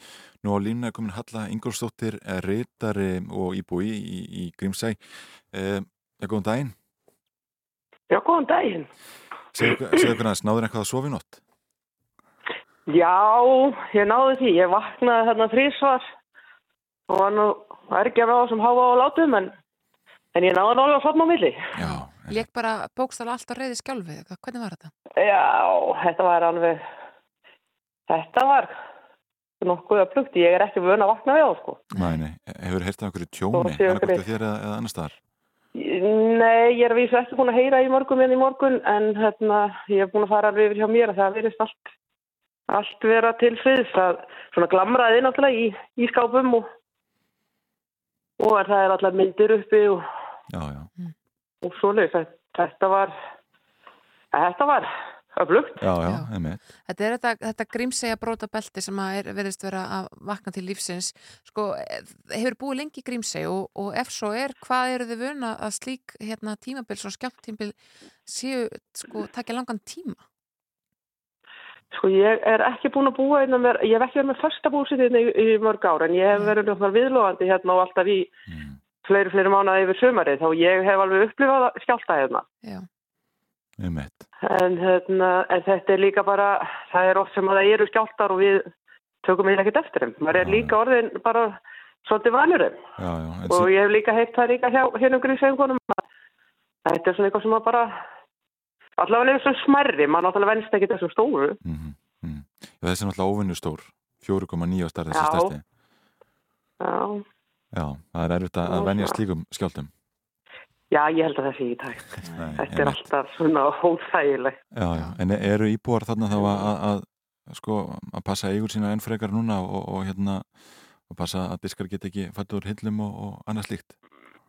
Já, ég hugsa allavega að ég mun aðeins spá í það eftir, eftir þessa nótt. Já. Svona að vera ekki með þetta á neinum brúnum og vera ekki með eitthvað yfir höfðinu þegar maður sefur eða eða svona, það er ég sem maður aðeins skoða þetta en maður bara, ég hef í raun og veru ekkert verið að spá í þetta þó maður viti að þetta sé þú skjáltabelti að þá þá maður bara, maður er svo, verið svo fljóta að gleyma þess að þetta bara gengur yfir og svo er þetta bara búið og svo bara já, aftur Sko, ef þú getur líst bara aðeins að því að núna eru skjáltar hérna ólíkir eins og eru margir, getur líst þessum stóra skjálta þarna í nótt? Ég meina, var þetta svona högg eða, eða sko, heyrðu þið lætin áður en að þið fundur hérna hreistingin? Hvernig var þetta? Ég heyrði bara sko háaða og svo bara hristist og hristist og ég bara, veitu hvað alltaf þetta engan endir að taka. Veist, það var alveg bara þannig að maður bara, veist, svona, það er svo skrítið, ég er náttúrulega að vakna við þetta, þannig að ég var ekki beint hrætt, en ég var eiginlega svona meira pyrruð. þetta væri bara, þetta var óþægilegt, en ég var líka bara, að því að þetta var líka svo lengi og svo hugsa, þannig að gera nú pínu grína mér og þá hugsaði ég líka með mér, sko, ef, hérna, þegar þetta var búið þannig, þá hugsaði ég, sko, ég vissi ekki betur að ég svaraði þetta á jafnstöldi. Já, já, þetta, þetta er líka þegar maður er svona, eh, þú veist, kannski hálfsofandi og, og, og rumskar við þetta. Já. Það var kannski ekki alveg að hvað er í gangi. Þess vegna held ég að þetta hefði kannski verið ennþá óþægilega ef þetta hefði verið að koma núna. Já, nákvæmlega, nákvæmlega. Var ávertina í fréttunum áðan þá var rætt við eh, já, ferðamann Pól frá Wisconsin sem uh, var hann í Básum í Grímsey. Uh, hann, hann talaði um það að honum var liðið svo og fluttningalest væri að aka í gegnum gistihúsið eða miðstúar ketillin væri að springa. Er mikið af, af ferðafólki hérna hjá okkur núna sem, sem er svona, eða kannski örlítið skelkað eftir nóttina? Sko það er eitthvað að ferðamennum þetta núna og búið að vera bara mjög gott. Og jú, ég held að sé alveg fullt á básum, þannig að, þannig að það eru, en eins og ég segi, maður er ekkert að þá farin að hitta. Nei, nei. Svona, maður er bara, bara svona átt að sjá þessu og, og hérna, svo fer maður nú svona að fara og heyra í, í fólki og heyra hvernig það upplifa en, en ég, eins og ég segi hjá mér að það hefur ekkert fæst neitt eða runið og hyllu eða, eða veggjum þannig að ég ætla að vona að sé bara eins hjá vinnu mínu hérna. Já, já, það er ágætt. Bara hjartsláttur eins og fór aðeins upp en, en, en ekkert af vekkinum. Já, það var bara eiginlega þannig. Já, Nákvæmlega. Bara, en þetta er, þetta er bara svona, maður verður ekki að veita, það er svo, með mig að ég veit að ég býð á svona hræði og Já. Maður veit að þetta er bara eitthvað sem að, Jú, jú, þetta fylgir því að búa á, á þessu blessaða Íslandi og, og hvað þá öðrum smarri eigum hér í kring Halla Ingórsdóttir, Já. rítari hverfisás Grímsir, takk hella fyrir að vera línunni á okkur í morgunáttur. bara takk fyrir. Já, já, það verður hérna, það er alveg ljós hvað, hvað grímsengingar spjalla um núna í morgunsárið Já. eh, yfir kaffinu. Það er bara málið, sko, skjáltarnir eru kvimleðir en þeir eru ansi gott umræðefni á kaffestofan. Það er eiginlega helst það. Það er, sko, þetta er eitthvað sem, sko, íti fólki og, og, og hérna, og þjafar okkur saman, í rauninni. Alltaf þetta, já, ég fann ekki neitt, í alvörunni, Já. hristist alltaf galum, já, og bara síðan ég bara finn aldrei neitt. fæslur á Facebook funduðu þennan. Já, En hérna, það er þetta skjálti. já, nákvæmlega. Við heyrum kannski eitthvað meira frá okkar bestu náttúruvár sérfræðingum hér í fréttaæfilitunum sem hefst núna eftir um það byl 5 mínútur. Síðan komum við aftur og ætlum að ræða hlutaprjöf og, og kjötauðlýsingar. Já, reyndar ekki sama, ekki, Ekki, nei. Nei, ekki sama, hérna, ekki sömu andrá. Nei, nei, nákvæmlega. En á að banna kjötuálsingar, það er spurningin. Það er spurningin, en Já. fyrst skiptum við yfir á fréttastofuna. Hvað nýju?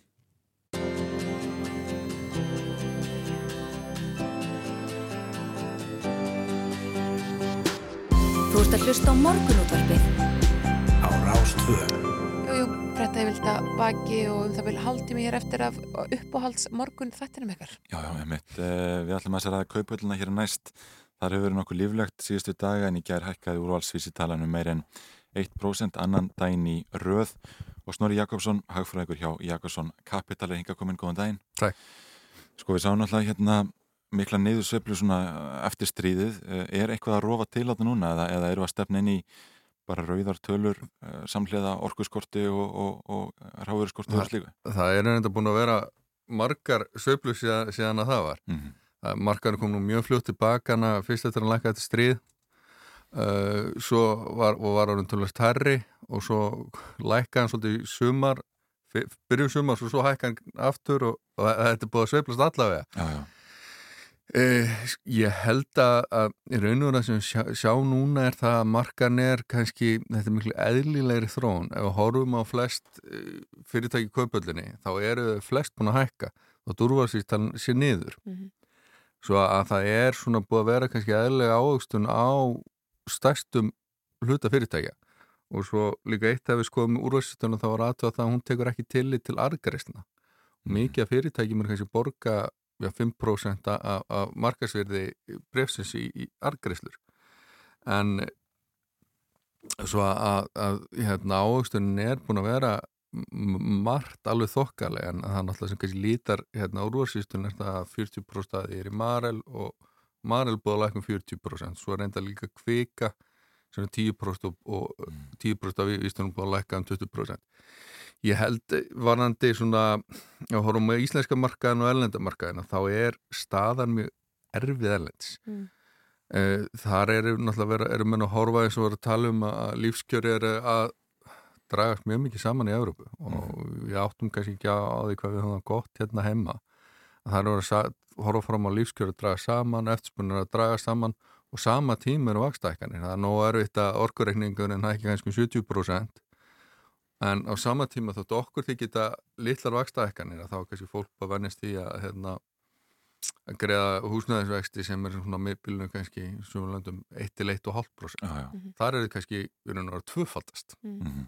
og þú getur þetta ímyndaðir ef að greiðslubyrðin hjá líka húsnæðislánunum er að, er að næstum að tvöfaldast og orkureikningurinn og Nákvæmlega. hittareikningurinn er að eitthvað 70% að þá, þá sípur kvæljur Já, já. Sko það er svona innan við hálft ári örugglega, síðan að við vorum hér svolítið að ræða svona uh, þessi hlutabriða viðskipti almennings, við vorum mikið að tala um það einhvern veginn að það er þá tilfinningu að það var einhvern veginn allir að fjárfesta núna og það var svolítið svona, já, pínlítið skrítin stemminga einhverju liti í þjóðfélaginu, pínu óvinnuleg það voru, voru bara alls konar fólk sem hafði ekkert svo mikið með handan að tala um að það hefði verið að kaupa í hinum og þessum fyrirtækjum ölgerinn og ég veit ekki hvað og hvað. Uh, síðan kemur þetta ástand sem að núna ríkir og allt í nú er Mhm. engin að tala um að segja fjárfesta lengur er svona ástand að einhverju leiti svona leðrætting á markaðum, það er að segja það bara hell, hellist á lestinni fólk sem að hefur ekkert í þennan bransa að gera ef svo má orðu komast Já, það er náttúrulega tvent sem er í þessu sko. Það var náttúrulega kannski óvegulega mikil hækkun að hluta til reyndar var hækkun á síðasta ári hérna, leðreiting Já. en, en, við, en að mínu mati var sko markaðan orðin okkur stíft verlaðir í lók síðast árs Mhm. svo að ef þú varst að koma inn kannski ja, um áramótina þá varst þú kannski koma inn á marka sem var hvað hann segja, svolítið út var svolítið út þannig eða svolítið út blásin það, það fólk er líklega búið að tapa peningum dag Já, líklega, Já. en svo náttúrulega er það sem að er uh, líka í þessu er að, að, að þetta er náttúrulega alltaf marathónlöp Mm. Að, að þetta er ekki, þú veist jú, jú, ást heppin að þá getur þú hérna, fjárfæst og grætt 50% og, og, og leist út eftir 6 eða 9 mánuði. Oftast ef þú ert að fara inn á þetta þá ert að hugsa um, já, veist, ég er að hérna, spara peninga til langstíma. Mm. þannig að þess að hitt er jújú, jú, hitt getur gerst en þú getur líka lendi að það séu að vögt sko og svona yfirleitt er það svona hugsa um þetta er meira langtíma spartnaður, það eru mikla sveiflur á þessum markaði, miklu meira fasteinamarkaðinum eða hvað mm. markaði sem er svo mann verður svona svolítið að hugsa þannig að þetta er meira langklöp mm. Einmitt. En þegar við lítum á velduna og þáttöku almennings, sko einhver merkjum það að almenningur sé sko hafi raunverulega tekið sitt fjö sitt fjármagn út úr, úr uh, hlutabæriðamarkaðunum eða, eða er fólk að, að, hérna, að býða með þetta og, og sjá hvað gerist? Ég held, sko, ég svo sem sá einhvern tíman einhverju frétta því að það hefði aðeins dreigið að það hefði sitt úr hlutabæriða sjóðanum Mhm. að það hefði aðeins verið hérna útstreymið þaðan og það er líklega mestuleiti al, almenningur Mhm. uh, svona mín tilfinning er svo að þetta, það er ekki búið að vera vöxtur að þetta er búið að vera svona flatt Mhm. séð kannski um, um hérna áramót Já, já, einmitt uh, en, en, en hérna á meðan að það var kannski mýl vöxtur 2021 Já, já, einmitt. En síðan heyrum við að fólk líka tala um það að íslenski markaður nætti eftir að, að fullornast, að þetta var lítil markaður sem var einhvern veginn bara enn í, í þróun. Uh, er það að gerast hægt og bítandi núna? Já, svona, þú veist, það er komin miklu fleiri fjölu og marka en þá samt ekki kannski allir með þannig marka það eru, sko, hann er það sem við kallum ótt með grunnur það eru, eins og sér, það eru heldur og fáir en það á markanum og en þess að það eru svo fáir og kannski allir svolítið að fara í sömu áttina. E, oftast er skortstöður og markaður eru hérna banna eða ekki heimilar á Íslandi svo að að, að þú veist, það er svolítið allir að fara svolítið í sömu áttina og kannski ekki droslega margir. Að því að sveiflun og íslenska markanum eru kannski miklu meiri heldur en, en aðstæður gefa tilumni til sko. Mhm. það er svolítið allir á sömu hliðinni já, já. og ekki, ekki það margir Nei, nei, einmitt Emitt, Snorri Jakobsson, hagfræðingur hjá Jakobsson Capital, takk kærlega fyrir komuna í morgunúttarpið, við ætlum að spila hér Aldous Harding, lagið TikTok var hún ekki í hljómahallinni fyrir Jú, jú, það er nákvæmlega, Já. nákvæmlega þannig Ég held að það er mikið stemming þar Oh, the dirty of it. Rip the label. You were chosen in early.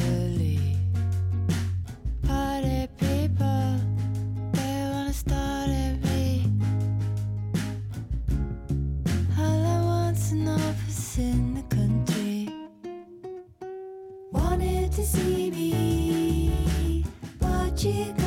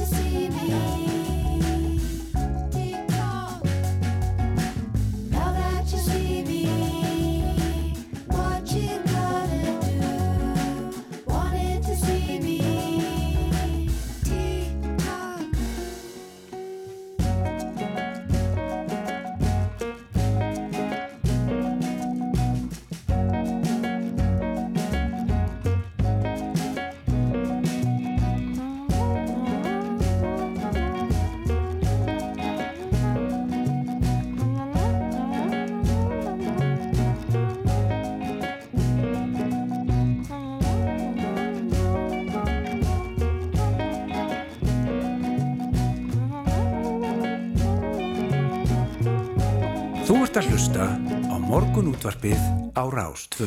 Jú, jú, þið eru að hlusta á morgun útdrapið Ingvar Þór og Snæður Sindradóttir hérna eigum um það beil 20 myndur eftir Já.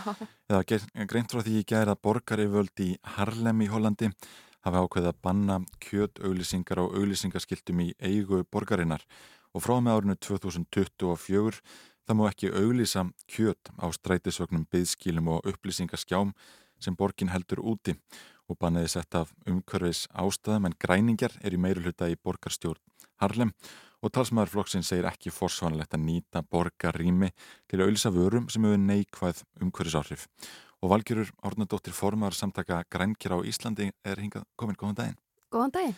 Hvernig horfur þetta bann við þér og ykkur? Já, sko við í samtökum grænkjara hef, höfum ekkert sérstaklega verið að berjast fyrir því að banna auglýsingar eða banna neitt. Við erum ekkert mikið fyrir bóða bönn. En þegar maður rínir í þetta í Hollandi þá er þetta náttúrulega bara hlut af því að banna auglýsingar á uh, vöru og þjónustu sem er slæm fyrir umhverfið. Þannig að eins og í Amsterdam og Haag er líka bannað að auglýsa flugum, flugumferð og, og hérna bensín og, og allt sem að tengist jarðefna eldsniti. Já, já.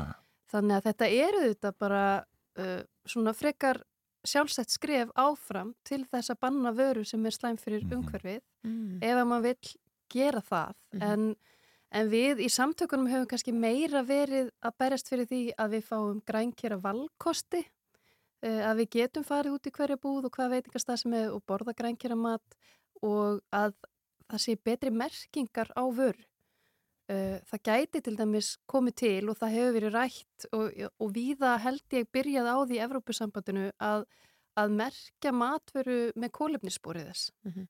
Og ef að fólk hefði þær upplýsingar þegar það væri út í búð, það væri kannski bara rauðu miði á það sem er með mjög hátt kólefnisspor, þá myndi fólk kannski hugsa sig frekar um, er ég að fara að kaupa þetta í matinn eða ætla ég að kaupa eitthvað með læra kólefnisspori? Já.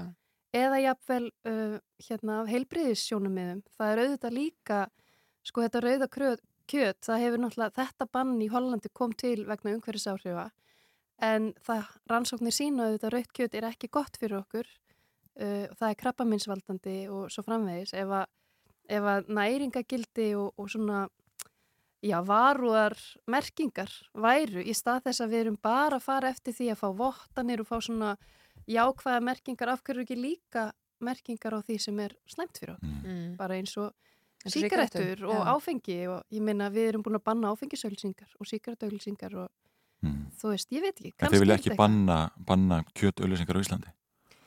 Það, við höfum allavega ekki hérna hugsa út í það einu sinni fyrir við sáum þetta. Og fyrst vorum við pínu hissa en svo auðvitað þegar maður rínir í þetta þá finnst maður þetta kannski bara sjálfsagt skref.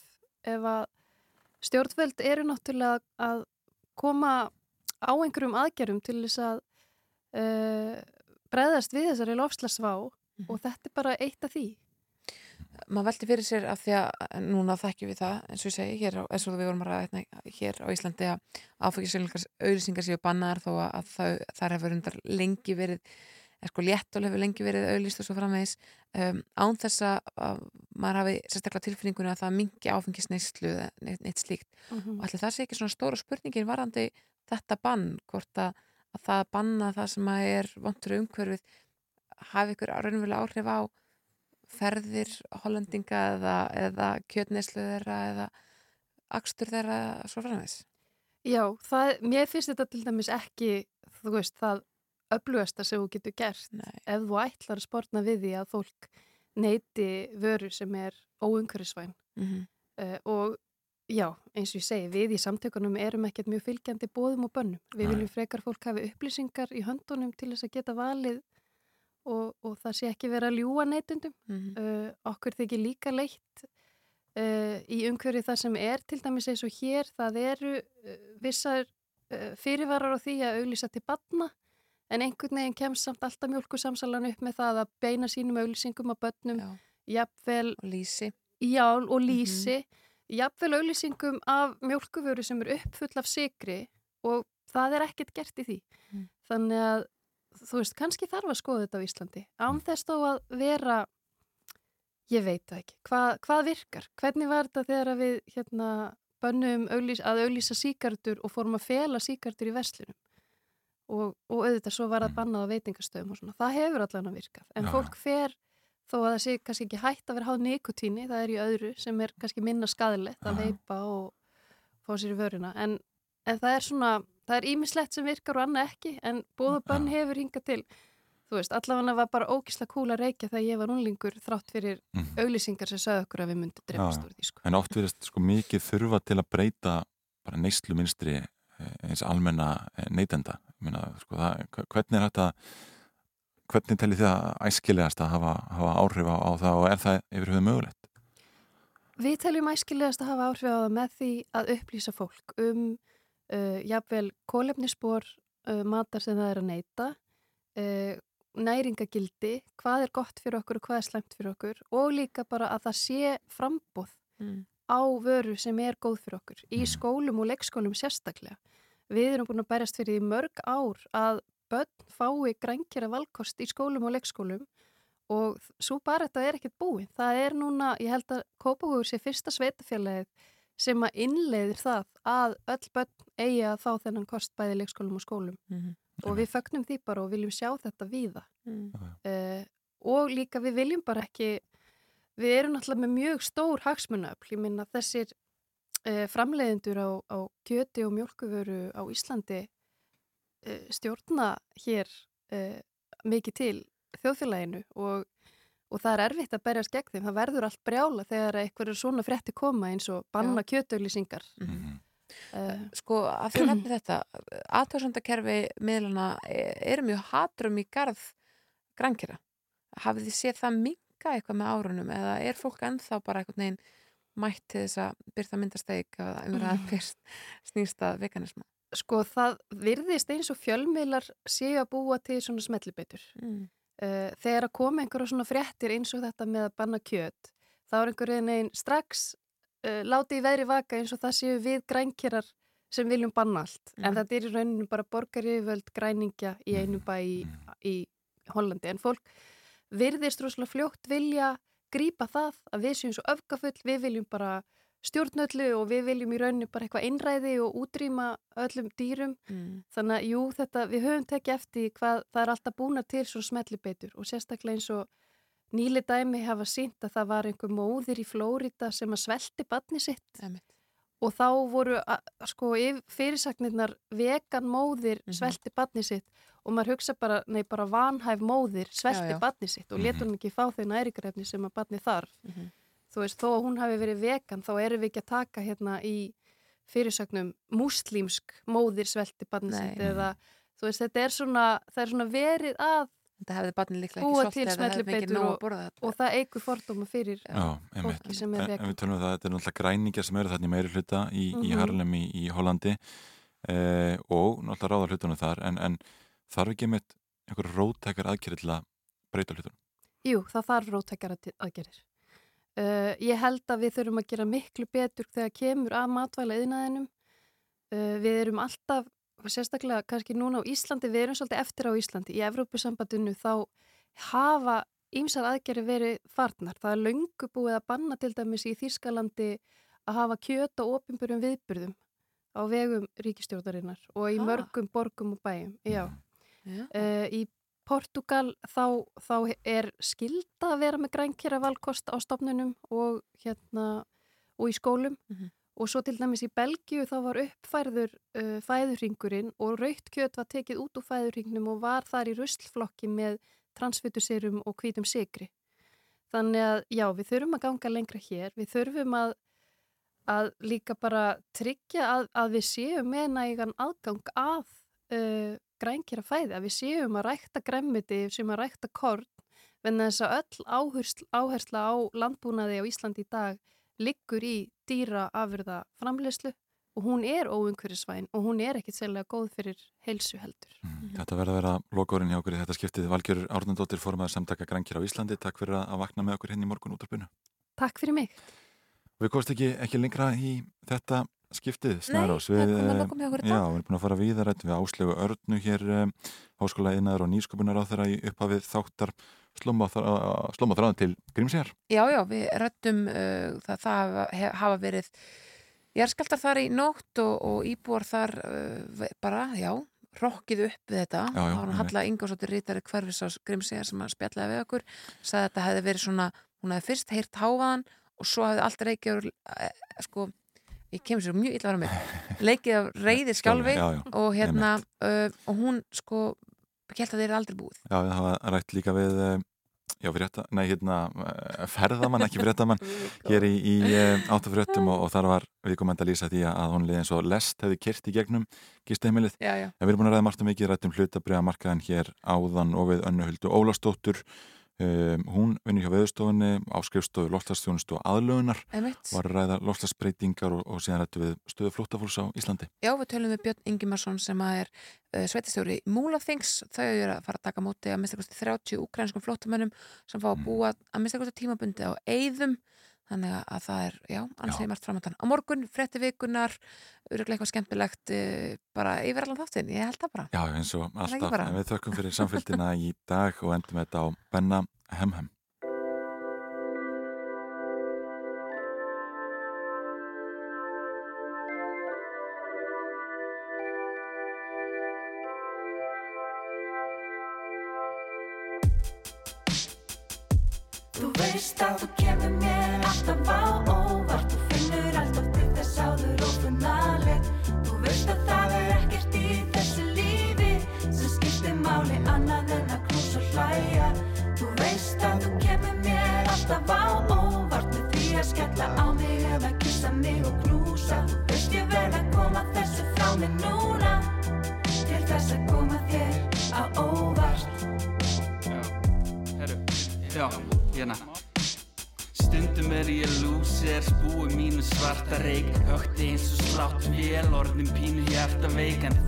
Þú og þetta brosa það, smígur honni kvikuna. Um sunnudaga undir sænga, síga inn í vikuna.